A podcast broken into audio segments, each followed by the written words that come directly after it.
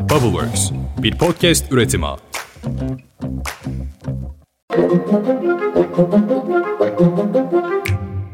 Günaydın. Bugün 29 Mayıs 2023. Ben Özlem Gürses. Bubbleworks Media ile birlikte hazırladığımız 5 dakikada dünya gündemine hepiniz hoş geldiniz. Ankara'dayım. Türkiye'nin tarihi seçimi noktalandı. AK Partili Cumhurbaşkanı Erdoğan seçmenin %52,16'lık oyuyla bir kez daha Cumhurbaşkanı seçildi. Bundan sonraki ilk genel seçim 5 yıl sonra. Aradaysa önümüzdeki sene 2024 yılı Mart ayı yerel seçimleri var. Bakalım uçurumun eşiğinde olan Türkiye ekonomisi o zamana kadar dayanabilecek mi? Hadi başlayalım. İkinci tur bitti. Türkiye genelinde katılım oranı ilk tura göre biraz düşmüş ama sonuç değişmedi. Yüksek Seçim Kurulu Başkanı Ahmet Sever resmi olmayan ilk sonuçları açıkladı. Yurt içinde sandık açılma oranı 99,32'dir. Yurt içinde Sayın Recep Tayyip Erdoğan'ın 51.91, Sayın Kemal Kılıçdaroğlu'nun 48,09 oranında oy aldığı görülmüştür. Ve bu verilerle AK Partili Cumhurbaşkanı Erdoğan Türkiye'nin 13. Cumhurbaşkanı oldu. Erdoğan yıllar sonra ilk kez balkon konuşmasını da Beştepe'deki Cumhurbaşkanlığı Sarayı'nda yaptı. 350 bin kişinin doldurduğu meydana hitap eden Erdoğan konuşurken sarayın cephesinde dev bir Mustafa Kemal Atatürk'ün kalpaklı posteri asılıydı. Yeniden seçilmiş Erdoğan konuşmasına tıpkı kampanyası gibi Kandil'le ve terör örgütüyle başladı. Sevilmez mi? Biz severiz. Kandil'dekiler sevmez. Onların uzantıları sevmez. Ama biz severiz. İşte şu andaki tablo sevgililerin tablosu. Resmi rakam 320 bin kişi şu anda burada ve tüm konuşma boyunca sert ve kutuplaştırıcı üslubuna devam etti. Cumhurbaşkanı Erdoğan konuşmasının ardından Cumhur İttifakı Genel Başkanlarını balkona davet etti. Hüdapar Genel Başkanı ile Büyük Birlik Partisi Genel Başkanı, MHP Genel Başkanı ile Demokratik Sol Parti Genel Başkanları ve ittifaka son anda bir eleman olarak katılan Sinan Oğan yan yana el ele fotoğraf verdi.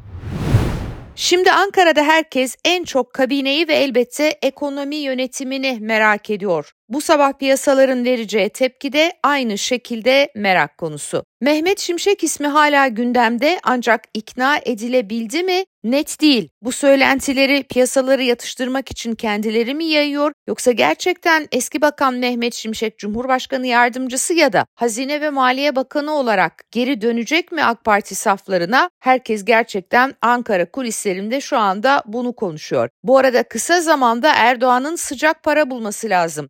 Seçim ekonomisi için Merkez Bankası rezervleri yeniden eksiye düşürüldü. Altın rezervlerinde de benzer bir durum söz konusu. Bu parayı bulmak için Erdoğan'ın Körfez ülkeleri ve Suudi Arabistan'ı çok kısa bir takvimde ziyaret edeceği konuşuluyor. Bir de turizm gelirleri var. Oradan da büyük ümit besliyor AK Parti. Bir de takvim vereyim siyasetten. Büyük ihtimalle bu cuma günü mecliste vekillerin yemin töreni var. Önümüzdeki haftaysa yeni seçilmiş Cumhurbaşkanı'nın yemin etmesi öngörülüyor. Sonrasındaysa kabine netleşecek. Bu arada Cumhur İttifakı'nın ortaklarından MHP lideri Devlet Bahçeli de bir açıklama yaptı. İstanbul'un fethinin bir gün öncesinde aziz milletimiz bu defa parlak bir demokrasi fethiyle egemenlik haklarını ve tarihi mirasını güçlü şekilde kucaklamış, aynı zamanda kardeşlik hukukuyla varoluş namusunu koruyarak Türk ve Türkiye yüzyılı vizyonuyla buluşturma iradesi göstermiştir. Eski başbakan daha doğrusu son başbakan yani başkanlık rejimine geçilmeden önceki son başbakan AK Parti Genel Başkan Yardımcısı Binali Yıldırım da seçim sonuçlarının belli olmasının ardından sosyal medyasında bir video paylaştı. Şöyle bir şey. Kemal Bey yüze vurur ifadesi yine kazandık bir tanesi nokta. Bir tanesi deyince hepinizin aklına İçişleri Bakanı geliyor zaten. Onun da bir açıklaması var. Cumhurbaşkanı seçiminin sonuçlarının yankıları sürerken Süleyman Soylu AK Parti İstanbul İl Başkanlığı'nda bir konuşma yaptı ve Erdoğan'ın liderliğinin zirvesinde bir dönem geçireceğiz dedi. Önümüzdeki 5 yılda evet etrafımızdaki coğrafyayı huzura getirdiğimizi herkes daha iyi anlayacak. Tayyip Erdoğan'ın sözlerini, Tayyip Erdoğan'ın adımlarını, Tayyip Erdoğan'ın yaptıklarını görünce bize Mevlana'nın bıraktığı, Sultanımız Eyüp Sultan'ın bıraktığı, Hacı Bektaş'ın bıraktığı bu medeniyeti bütün dünyayla kucakladığımızda herkes daha iyi anlayacak, daha iyi anlayacak, daha iyi anlayacak.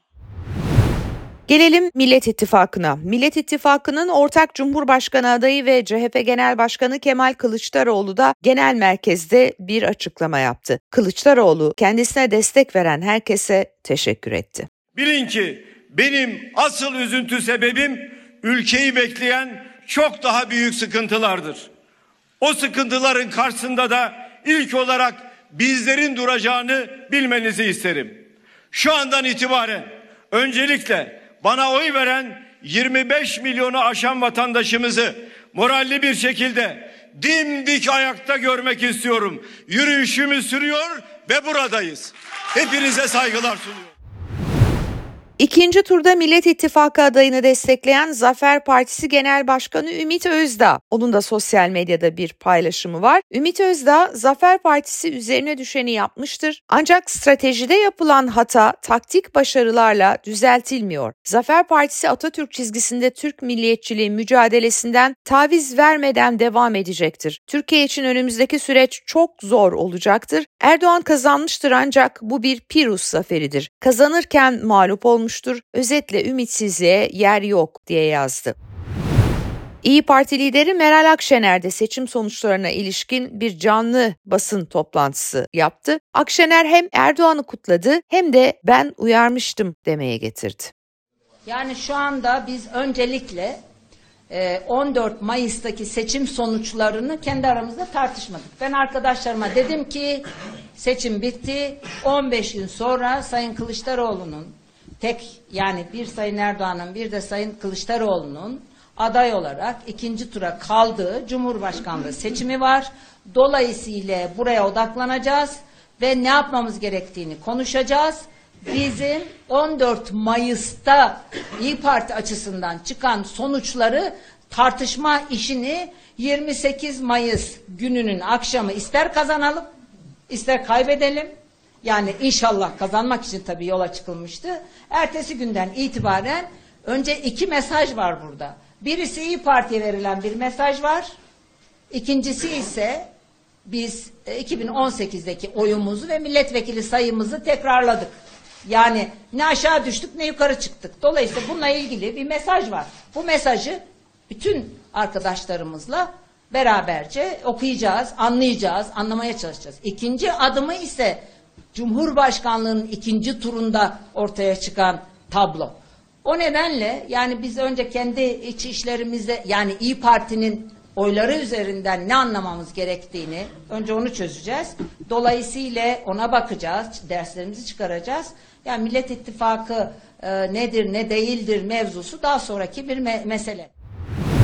Seçim sonuçlarının belli olmasının ardından Millet İttifakı liderleri CHP lideri Kemal Kılıçdaroğlu'nun daveti üzerine dün akşam saat 22.30'da CHP Genel Merkezi'nde bir araya geldi. Toplantı saat 23.50 civarında sona erdi. Herhangi bir açıklama yapılmadı.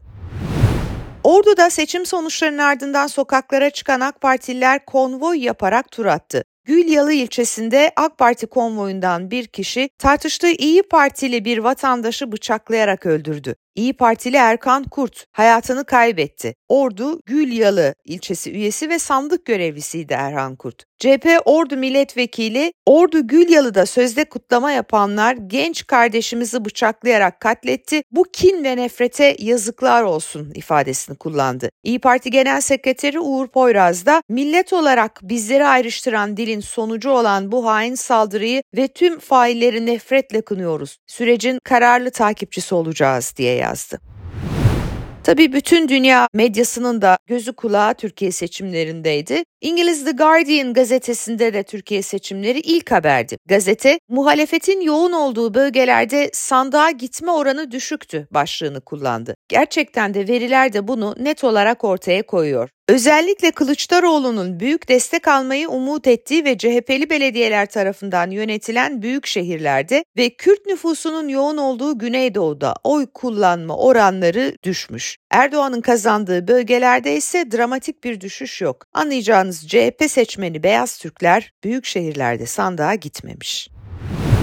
Cumhurbaşkanlığı seçiminin ikinci tur sonuçlarının açıklanması sonrasında Memleket Partisi lideri Muharrem İnce Erdoğan'ı tebrik etti. Muharrem İnce, Cumhurbaşkanlığı makamına yeni seçilen Sayın Recep Tayyip Erdoğan'ı tebrik eder, memleketin dağ gibi birikmiş sorunlarını çözmesinde kolaylıklar dilerim. Seçim sonuçlarına ilişkin detaylı değerlendirmeleri önümüzdeki günlerde yapacağım. Şimdilik bütün muhalefeti nerede yanlış yapıyoruz diye kafa yormaya davet ediyorum diye yazdı.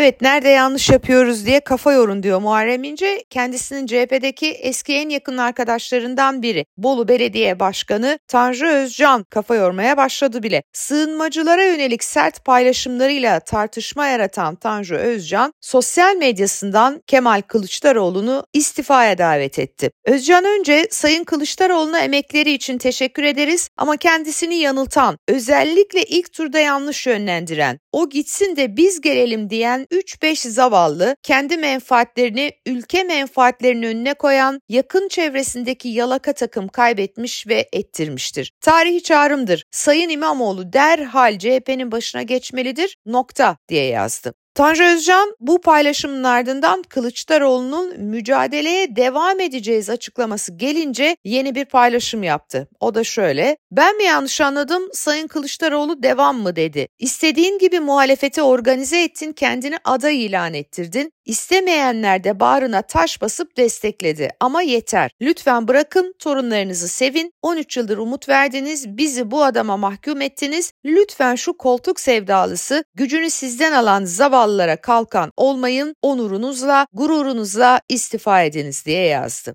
Evet, Ankara'da önümüzdeki günler çok şok edici, çok sarsıcı gelişmelere gebe. Bir yandan manşeti şöyle atabiliriz. 21 yıllık bu iktidar kendi yarattığı enkazı yani kendi enkazını devraldı. Böylesine bir ekonomik tabloyu hangi kaynakla, hangi insan kaynağıyla, hangi kabineyle yönetecekler, nasıl bir sonuç alacaklar? Gerçekten öngörmek çok zor. Son derece belirsiz ve kaotik bir döneme giriyor Türkiye siyaseti. Bir yandan da tabii Millet İttifakı seçimleri aslında kaybetti kaybetti. Hem parlamentoyu hem de cumhurbaşkanlığını kaybettiler. Millet İttifakı'nın bileşenleri olan bütün siyasi partilerin içinde çok ciddi bir tartışma başlayacaktır. Genel başkan koltukları her birinin sallanacaktır. 24-25 Haziran tarihlerinde İyi Parti'nin kurultayı var. Bunu Akşener açıklamıştı zaten. Temmuz ayında da CHP'nin kurultayı var. Bu iki kurultayda genel başkanlar değişir mi? Siyasete yeni kadrolar gelir mi? Babacan ve Davutoğlu'nun elde ettiği vekillikler neye evrilir? AK Parti tabii evet 322 vekil aldı ama bir yandan da mecliste çoğunluğu elde edemedi yani anayasayı değiştirecek kadar. Türkiye önümüzdeki dönemde anayasa tartışmalarına gebe mi? Bu yeni rejim 50 artı 1 partili cumhurbaşkanı bunlar bir revizyon başlığı altında tartışmaya açılır mı? Hepsinden önemlisi Türkiye'nin işsizlik, geçim sıkıntıları ve hayat pahalılığı sorunları neye evrilecek hiçbirini bilmiyoruz. Yeni hafta yeni dönem tüm seçim sonuçları memleketimiz için hayırlı olsun. Bekleyelim, görelim. Sabah ola, hayrola. Yarın görüşmek üzere. Hoşçakalın.